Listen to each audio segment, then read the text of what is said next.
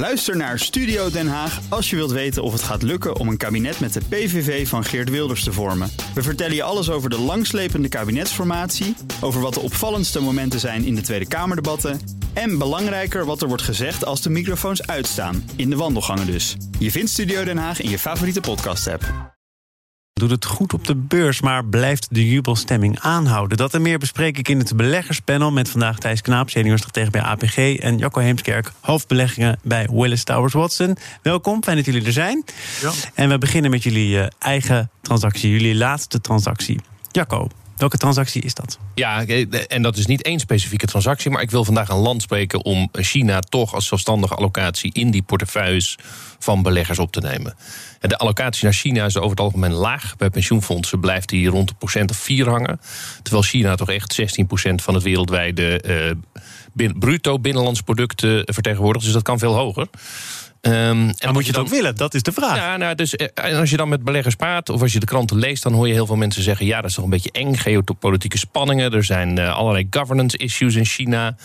Uh, je weet het niet. Maar misschien juist dan is het goed om in China te beleggen.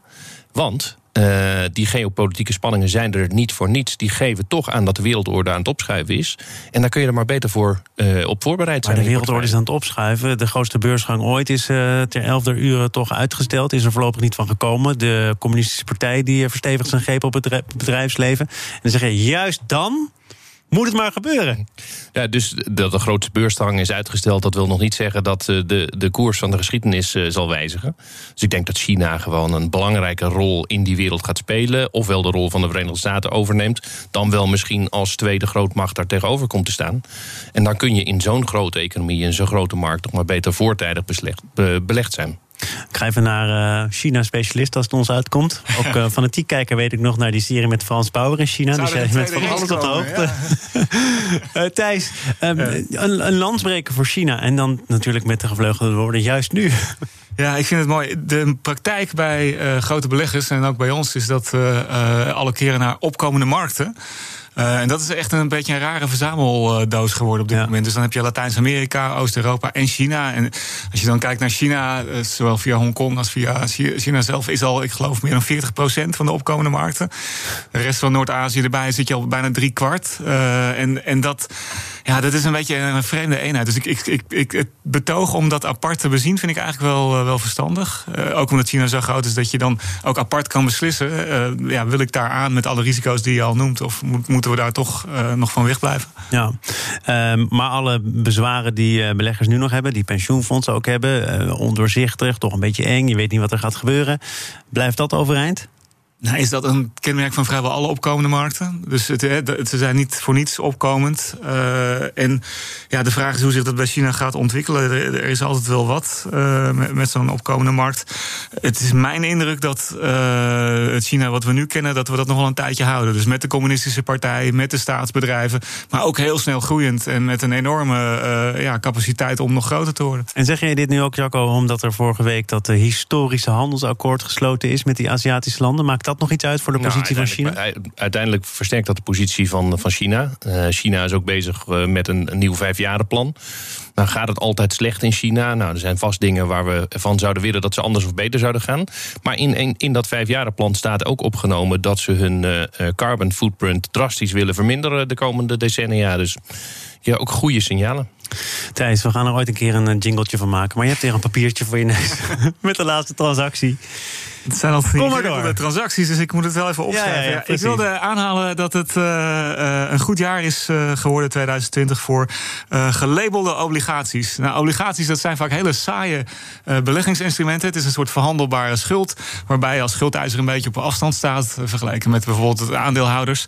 maar er zijn nu obligaties met een label. Dat zijn dan bijvoorbeeld obligaties waarvan de uitgever van tevoren vastlegt: ik ga dit besteden aan groene doelen of aan sociale doelen of aan iets anders. Uh, en die labels, uh, dat wordt populair. Er zijn dit jaar al uh, voor 304 miljard van dat soort obligaties uitgegeven. Nu al meer dan in heel 2019. Als je dan een concreet voorbeeld wil, bijvoorbeeld, wij kochten vorige maand voor 170 miljoen aan Sure bonds. Die worden uitgegeven door de EU. En daar zit een label op, want die gaan ze gebruiken om de arbeidsplaatsen binnen de EU te bewaren. Of in ieder geval gaan ze dan ook wel echt doen, hè? En dat, is niet zomaar. doen, want dat is juridische voorwaarde bij die, bij die obligaties. En dat doen niet alleen overheden, ook, ook bedrijven doen dat. Een Spaanse bank heeft al heel snel in mei een corona-obligatie uitgegeven. Uh, en dus de belegger in schuld, wat meestal een beetje een belegger op afstand is, die krijgt hiermee toch steeds meer invloed op het beleid. Want hij of zij kan ervoor kiezen om de juiste labels op zijn obligaties uh, te plakken. En dat maakt die hele asset class voor mij in ieder geval een stuk interessanter. En ook voor de mensen die normaal een beetje op afstand staan. Je ziet dat, dat bijvoorbeeld de, de ECB die dan obligaties opkoopt. Nou, dat was een beetje een neutrale monetaire operatie. Maar die zeggen nu ook, we willen eigenlijk alleen de obligaties van de juiste partijen met de juiste labels hebben. En op die manier toch invloed uitoefenen op wat er in de wereld gebeurt. Eindelijk, eindelijk zou ik bijna zeggen. Ik heb heel vaak gehoord uh, pensioenfondsen die zeggen: eigenlijk kun je alleen bij aandelen invloed oefenen, uitoefenen op een bedrijf. Ja, dat is onzin. Als een bank uh, financiering verstrekt aan een onderneming, stelt het ook eisen. Dus je kunt daar heel gemakkelijk eisen ook aan de bestemming uh, stellen. En dat je hier labeled bonds introduceert. Ja, dat lijkt me, eh, dat lijkt me prettig. Want dan komt het nog geduurd, begrijp ik dus. Je vindt het een goede ontwikkeling, maar het heeft heel erg lang op zich laten wachten. Nou ja, dit is zo voor de hand liggend. Er is eigenlijk steeds gedacht, we kunnen hier niks aan doen. We hebben hier geen invloed op. Dat kun je alleen met het stemrecht van een aandeel. Maar voordat je aan iemand geld geeft, kun je toch voorwaarden stellen. We gaan naar, uh, ik zie dat de stemming er al goed in zit. Dan gaan we ook nog praten over dat coronavaccin. Waarvan ik dan ook weer las dat in Nederland in ieder geval de AEX nu echt de afstand neemt van de 600 punten. Dat zegt iets over de sfeer, de stemming. Iedereen ziet het weer zitten. Uh, Jacco, jij ook? Iedereen ziet het zitten, ja. Uh, en het lijkt wel alsof de aandelen voor een prikkie te koop zijn. Dat lijkt wel zo. Nou ja, ze gaan, eh, ze gaan in ieder geval weer hard. Hè. De, de, de, de beurs eh, beweegt ook vandaag weer omhoog. Ja, maar is, is dat uh, allemaal toe te schrijven aan dat vaccinnieuws? Speelt er iets anders? Nou, voor een, deel, voor een deel is het toe te schrijven aan het vaccinnieuws. Omdat er een aantal onzekerheden boven de markt hing. Waaronder de Amerikaanse presidentsverkiezingen. Uh, of we dat coronavirus uh, in de hand konden houden. Of er een vaccin is. Hoe effectief dat vaccin is. En als je een aantal van die zaken wegneemt. Ja, dan, dan is dat prijsopdrijvend. Ik, ja, dus het heeft uh, denk ik een grote rol, omdat uh, een, een, vaccin is ook een middel naar terug naar hoe het was. Dus uh, als we een vaccin hebben, dan kunnen we de coronacrisis vergeten. Dan kunnen we terug naar de dingen die we al deden. En dan kunnen we weer met een cruiseschip mee, weer met een vliegtuig op reis. En wat je dus op beurzen ziet, is dat aandelen die heel ver gedaald waren vanwege dat coronavirus, het nu weer goed doen. Hè. De KLM, om er eentje te noemen, is meer dan 70% omhoog sinds het dieptepunt. Nog niet zo heel lang geleden. dat geeft aan dat iedereen rekent op, nou ja, dit, we kunnen weer terug naar hoe het was. Uh, en omdat de beurzen nou juist de plek zijn waar alle oude bedrijven uh, genoteerd staan, doen de beurzen het goed als er een vaccin is. Het is minder goed voor bedrijven die juist garen spinnen bij het coronavirus. Hè. Dus Zoom is minder waard geworden, ja, ja, Facebook minder waard geworden. Maar ja, gemiddeld genomen is de beurs conservatief. Het zijn veel oude bedrijven. bedrijven en dus, dus sinds het, het, het uh, vaccin ontwikkeld is, sinds de eerste aankondiging, zijn de prijzen omhoog gegaan. Toch zijn er ook zo her en der economen die zeggen: het wordt nog een lange winter, het wordt een gure tijd. En verkijk je niet op de laatste loodjes van de pandemie. Uh, als je kijkt naar de beperkende maatregelen die nu gelden, toch veel landen die weer in een tamelijk strenge lockdown zitten. Dat zou de stemming ook behoorlijk kunnen bederven. En misschien wel moeten bederven. Dat, dat, dat, is ook zo. Dus daar zal vast nog wel een gure winter en voorjaar volgen. Tegelijkertijd is het ook zo dat de beurs niet hetzelfde is als, als de samenleving of de economie. Um, ik, ik, was bijna half afgeleid, maar dat komt omdat uh, Janet Yellen nu in beeld is. Ah, ja. We gaan gewoon in, in, uh, in, flinke stappen er doorheen. Uh, zij is namelijk de beoogde minister van Financiën van de president-elect Joe Biden. Jullie kijken ook nog even naar haar cv. Mhm. Heeft zij zich met haar cv, Jacco, gekwalificeerd voor een mooie post als deze? Nou, ze is in ieder geval bekend. En ik denk dat er bij een deel van de Amerikanen wel vertrouwen is uh, in uh, Janet Yellen. Of ze op basis van haar cv geschikt is voor die rol, dat durf ik niet te zeggen. Dat is waarschijnlijk wel de reden dat ze wordt wat ze wordt, haar cv. Nou ja, in ieder geval, haar, haar naamsbekendheid helpt erg mee. En haar kennis van de financiële markten zal meehelpen. Of je daarmee een hele goede uh, Treasury Secretary bent, is dan nog een tweede. Nou, wat denk jij van Janet Yellen? Ik uh, denk dat ik het wel eens ben met wat uh, Jacco hier zegt. Dus het heeft een uitstekend cv. Ja, Janet Yellen was toen ik nog economie studeerde al een zeer gerespecteerde arbeidseconoom. Waar we de stukken van moesten lezen aan de universiteit. Dus het is niet iemand die van de straat komt, zeg maar. Het is een effectieve voorzitter van, van de Fed geweest. Ja, en nu op de post van minister van Financiën. De vraag is met name: gaat Amerika door met het beleid wat onder Trump is ingezet om grote tekorten te draaien? Om de economie aan de praat te houden? Of krijg je nu weer de terugkeer van de fiscal hawks, de bond vigilantes, de mensen die vinden dat je eigenlijk geen tekort mag draaien. dat speelt nu al een beetje met de huidige minister van Financiën, die daar niet op één lijn zit met de voorzitter van de Fed. Ja, exact. Dus de, een, een, heel uh, opmerkelijk is dat de Fed zegt leen maar. En de minister van Financiën zegt nou liever niet. Uh, en ja, daar, dat, ik krijg straks een nieuwe uh, minister van Financiën. Ik denk dat Powell nog even blijft. En het, het, ja, het staat echt te bezien in wat voor evenwicht die twee zullen komen. Maar hoe, hoe spannend ik, wordt dat, Jacco? Nou, ik vind in ieder geval het, het uitspreken van de naam Jelle... aanzienlijk gemakkelijker dan, dan haar voorganger to be. Die je nu ook niet noemt, maar het gaat om. Mnuchin, ja. dat klinkt toch altijd als Menucci. Um, ik denk dat het best spannend kan zijn. En waar ik onmiddellijk aan denk is... heb je dan eigenlijk wel de checks en balances in place? Want zij kent die vet op haar broekzak. Uh, en eigenlijk moet dat toch ook... daar moeten toch wel countervailing powers in, uh, in zitten wat mij betreft. Maar wacht even, ze is te goed op de hoogte. Ik denk dat ze te goed is ingevoerd en het spel te goed speelt. Maar dat, is, dat is toch eigenlijk juist vaak een voorwaarde... dat je weet hoe het spel gespeeld wordt... dat je kunt bogen op een goed netwerk... Nou, dat kan helpen. Maar ja. is, is dat een, jij vindt dat een serieus gevaar? Dat, uh, dat daarmee uh, dat vier handen op één buik wordt? Ja. Nou, ik denk, Christine Lagarde is ook minister van Financiën in Frankrijk geweest. De omgekeerde route afgelegd. Uh, ik denk dat het hier zwaarder weegt dat je netwerk en je kennis op orde is... dan dat je eventueel nog vrienden hebt uh, op de plek waar je vandaan komt. Ja, en dan gaat het er ook nog om, dat werd net even tussen neus en lippen genoemd... Uh, ja, gaan we door met het uitgeven van heel veel geld? begrotingstekorten doen er niet meer zoveel toe. dat, dat speelt ook nu met dat steunpakket. En hoe royaal dat moet blijven of moet worden. zou het echt gevaarlijk zijn als Amerika op grote schaal geld blijft uitgeven... dat er misschien niet is? Nou, nou, er is niets wat erop wijst. Dus als het gevaarlijk zou zijn, is het eerste wat je zou zien... is een sterk oplopende rente. Nou, dat, het omgekeerde heeft zich gemanifesteerd. Dus, eh, dus niemand maakt zich er zorgen over. Maar dat wil natuurlijk niet zeggen dat het op termijn allemaal vanzelf goed komt. Je moet er wel over na blijven denken. Eh, de meeste economen zijn bang dat het omgekeerde gebeurt. Dat we toch teruggaan naar een tijd van austerity. Uh, wat zoals bekend ook niet heel geweldig werkt als je in de problemen zit. Ja, dat vraag, dat vraag ik me af of we teruggaan naar, uh, naar echt zuinigheid. Ik denk dat die Amerikanen eerder kijken naar modern monetary theory-achtige beleid. Waarbij je gewoon uh, uh, de geldpers aangooit zolang daar ruimte voor is in de economie proberen wel inflatie te vermijden. En als je kijkt naar wat er in Japan is gebeurd de afgelopen 30 jaar, dan heeft dat ook niet geleid tot uh, drastische inflatie of andere dingen. Dus maar inflatie moet toch juist wel op 2% zo ongeveer uh, uitkomen? Dat was ooit de bedoeling? Ja, dan moet je dat wel zien te halen. Dus als je kijkt naar wat er met inflatieverwachting is gebeurd de afgelopen maanden, is die wel iets omhoog gekropen. Maar de komende 5 tot 10 jaar is toch de impliciete eh, prijs van die inflatie laag. We gaan er iets wat al een tijdje niet zo uh, heel erg omhoog uh, springt, namelijk. Zaken doen. Olie, en dat doe ik met uh, het beleggerspanel. Daar is Thijs Knaap van APG en Jacco Heemskerk van Willis Towers Watson. Het was zo'n gouden en ook logische combinatie olie en pensioenfondsen. Maar zijn die misschien uitgekeken op elkaar. Even een bericht van gisteren erbij pakken. 2000 ambtenaren van de gemeente Amsterdam willen dat hun pensioenfonds direct stopt met het investeren in de fossiele industrie. En dat waren eerder overigens ook al de docenten. Die hebben hetzelfde geluid laten horen. En dat is een geluid dat gericht is aan ABP en APG doet dan weer de beleggingen voor ABP. Dus Thijs, ja. je bent natuurlijk goed voorbereid op deze kwestie. Komt weer, uh, hoe komt dit nu op jullie uh, over en hoe komt het bij jullie aan? Nou, ik denk dat dat. Uh, kijk, een pensioenfonds werkt voor zijn deelnemers. Die moet altijd goed luisteren naar wat de deelnemers willen. Dus als die met een signaal komen, moet je daar goed naar luisteren. Dus ik weet dat de, de mensen die jij nu noemt op dit moment in gesprek zijn met het bestuur van, uh, van ABP, onze grootste klant. Er wordt een, een soort videoverbinding gelegd en dan, ja, dan wordt de petitie ontvangst genomen en wordt er, wordt er over gepraat. Ik denk dat op zich de, de zorgen dat we die wel delen. Hè. Dus ABP is, heeft een heel stevig duurzaam en verantwoord beleggingsbeleid. Uh, wordt ook vaak uitgeroepen tot het meest duurzame pensioenfonds. Maar tegelijkertijd, en daar gaan deze uh, stemmen dan over, wordt er nog steeds belegd in ja, olieproducenten uh, op de olietermijnmarkt. Hè. Je kan niet helemaal losblijven van de, van de fossiele brandstof. En dat is wat mensen dan vaak. Waarom, waarom, vaak kan, dat, waarom kan dat niet? Want daar zijn ook onderzoeken naar gedaan. Ik kwam een onderzoek tegen van twee Groningse onderzoekers die zeiden: er zijn echt wel alternatieven. Oh jawel, ja, je kan je geld wel elders kwijt.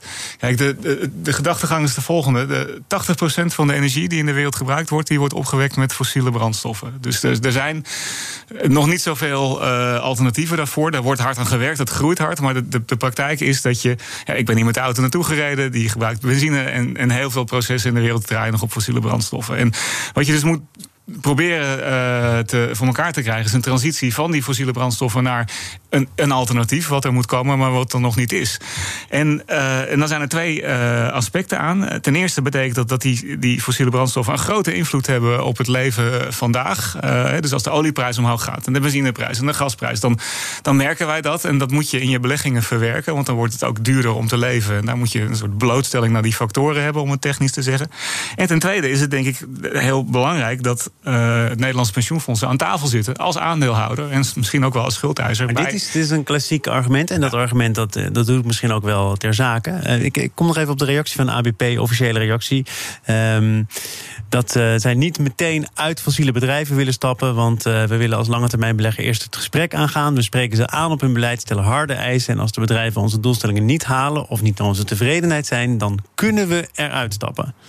Dat kan. Ja. En in de praktijk, hoe streng ben je dan? Nou, dat, ik, denk best wel streng. Dus, uh, er, er, Jacco, waarom lach je nou? Ja, ik denk dat hij gelijk heeft. Ik zit met, met interesse. Nee, je bent ook aan het lachen. Dus zijn dit zijn... Nee, ze zijn, ik, ik denk dat er echt heel goed wordt naar gekeken. En, en dat pensioenfondsen zich terdege bewust zijn van hun uh, maatschappelijke verantwoordelijkheid. Niet ieder pensioenfonds zit in dezelfde rol. Hè. ABP is een pensioenfonds wat uh, eigenlijk de hele wereld in eigendom heeft. En daarmee heeft. Ze hebben overal ze hebben een heel klein sliceje van een heel klein taartpuntje van de hele wereld. En daarmee heeft ABP uiteindelijk uh, alle voordelen, maar ook alle nadelen, alle effecten, alle negatieve uh, oorzaken en gevolgen van uh, olie. Maar waarom zou je de hele wereld, ook al heb je er maar een klein deeltje van in je handen willen hebben, als je ook kunt zeggen, nou, dit deeltje hoort er wat ons betreft niet meer bij? Ja, dus wat dat betreft zijn ze ook uh, in gesprek met, uh, met bedrijven die een rol spelen in die energietransitie. En je kunt niet van de een op de andere dag kun je, kun je dat doen. Maar een goede, actieve uh, aandeelhouder die echt het gesprek aangaat, dat is beter dan wanneer je aandelen zou verkopen aan iemand die zegt: Ik ga dat gesprek helemaal niet aan. Ja. de aandelen die nu bestaan, die kun je wel verkopen, maar dan, dan, en, dan zouden ze uiteindelijk eindigen in de handen van mensen die denken: Nou, dat is prima. Nou, om het uh, fossiel uit te drukken, de kolen worden hier aardig, aardig uit het vuur gehaald voor jou, uh, Thijs. ja, dat is een. Uh, een nou, we praten er niet zozeer over omdat docenten hebben aangegeven dat zij er anders over denken, maar ook omdat er fondsen zijn, zoals het Pensioenfonds Zorg en Welzijn, dat overigens na een flink verlies op olie heeft gezegd: wij stappen eruit. Ja. Um, zou dat het begin van een trend kunnen zijn?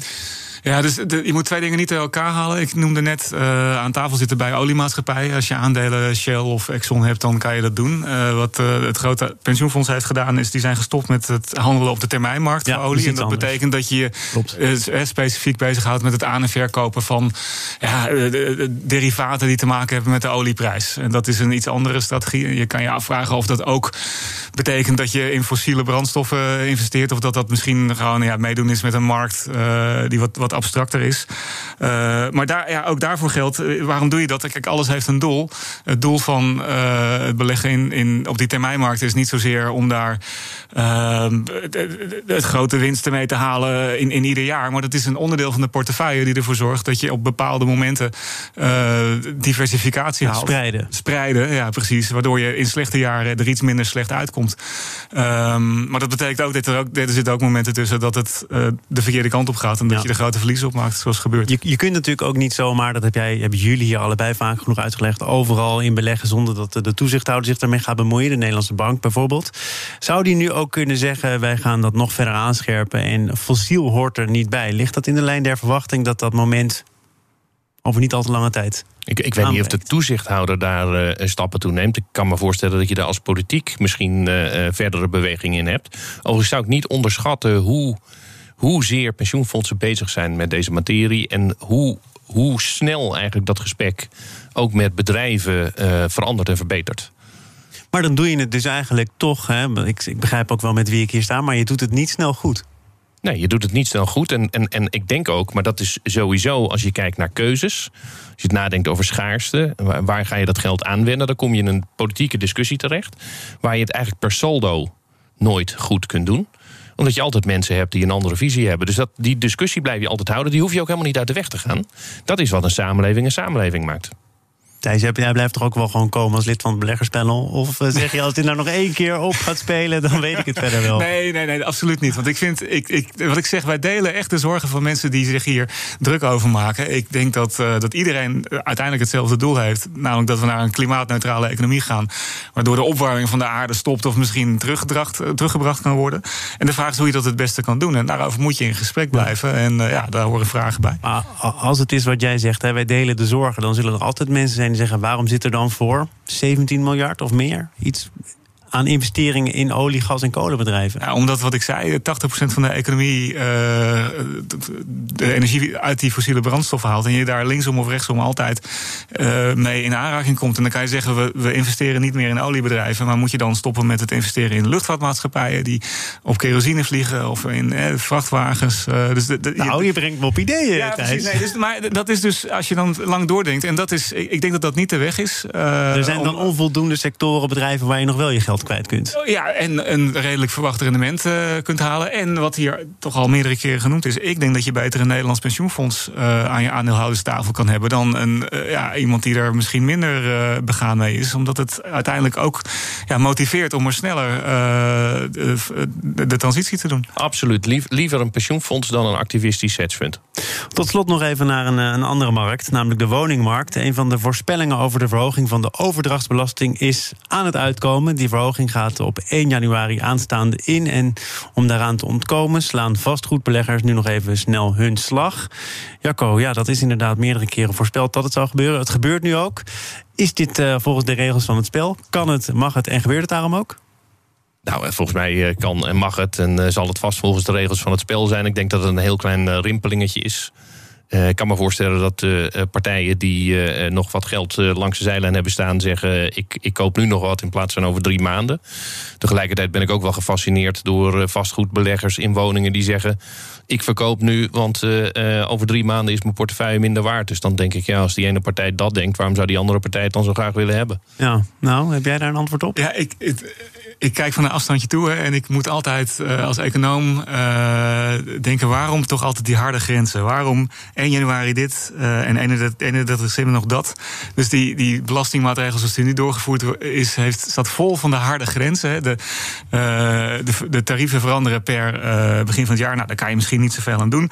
Maar het is ook nog zo dat er nieuwe regels zijn dat je als jongere tot 35 jaar, maar niet daarboven, korting krijgt als je een huis koopt onder de 4 ton, maar niet daarboven. Nou, al die harde uh, uh, grenzen die leiden tot raar gedrag. Dat zie je altijd. Dus nu zie je vastgoedbeleggers als een gek uh, huizen kopen. Ik geef je op een briefje jongeren die wachten tot 1 januari. Vervolgens gaan al die huizen over de toonbank voor 399.000 euro. Ja. En, en, en als econoom denk ik altijd van waarom, waarom die harde grenzen? Kunnen we het niet geleidelijk invoeren? Kunnen we niet. wat, wat, is dat dan? Je kan bijvoorbeeld je zeggen, als je een huis koopt van, tot 4 ton, dan heb je, betaal je geen overdrachtsbelasting en voor het bedrag boven de 4 ton begint dat tarief te werken. Maar nu is het volgens mij zo dat je boven de 4 ton meteen hup, de hele 2% uh, moet betalen. En dat is niet handig. En, en over uh, data die je noemt, hè, we beginnen ermee op 1 januari. Jij zou zeggen, nou, uh, zorg dat je de eerste drie maanden van het jaar je slag slaat.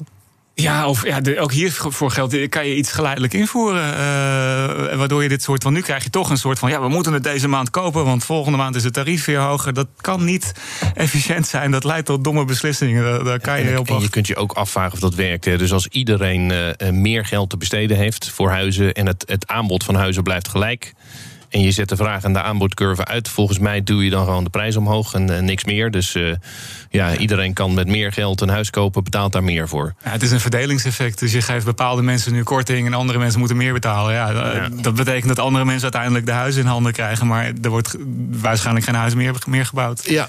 Kleine rimpeling waar we genoeg over hebben gezegd. Ik dank het uh, beleggerspanel Thijs Knaap, seniorstratege van APG. En Jacco Heemskerk, hoofd beleggingen bij Willis Towers Watson. Fijn dat jullie er waren. Morgen dan is uh, Stefan Breedveld hier. En hij vertelt dan hoe hij zijn eerste 100 dagen heeft beleefd bij Erix. Dat prijst zichzelf aan als de webshop voor industrieel Nederland. Dat gebeurt allemaal morgen. Uh, eerst uh, moet ik nog even zeggen dat wij zo meteen iets langer doorgaan met deze uitzending vanwege de actuele ontwikkelingen bij Forum voor Democratie. Statement wordt verwacht rond de klok van twee uur. Blijft dat dus volgen hier op BNR. Ook Hugo Reitsma vind je in de BNR-app. Superhandig die BNR-app. Je kunt alle programma's live luisteren, breaking nieuwsmeldingen. Je blijft op de hoogte van het laatste zakelijke nieuws. En je vindt er alle BNR-podcasts, waaronder natuurlijk de belangrijkste, Boeken zijn in de wijk. Download nu de gratis BNR-app en blijf scherp.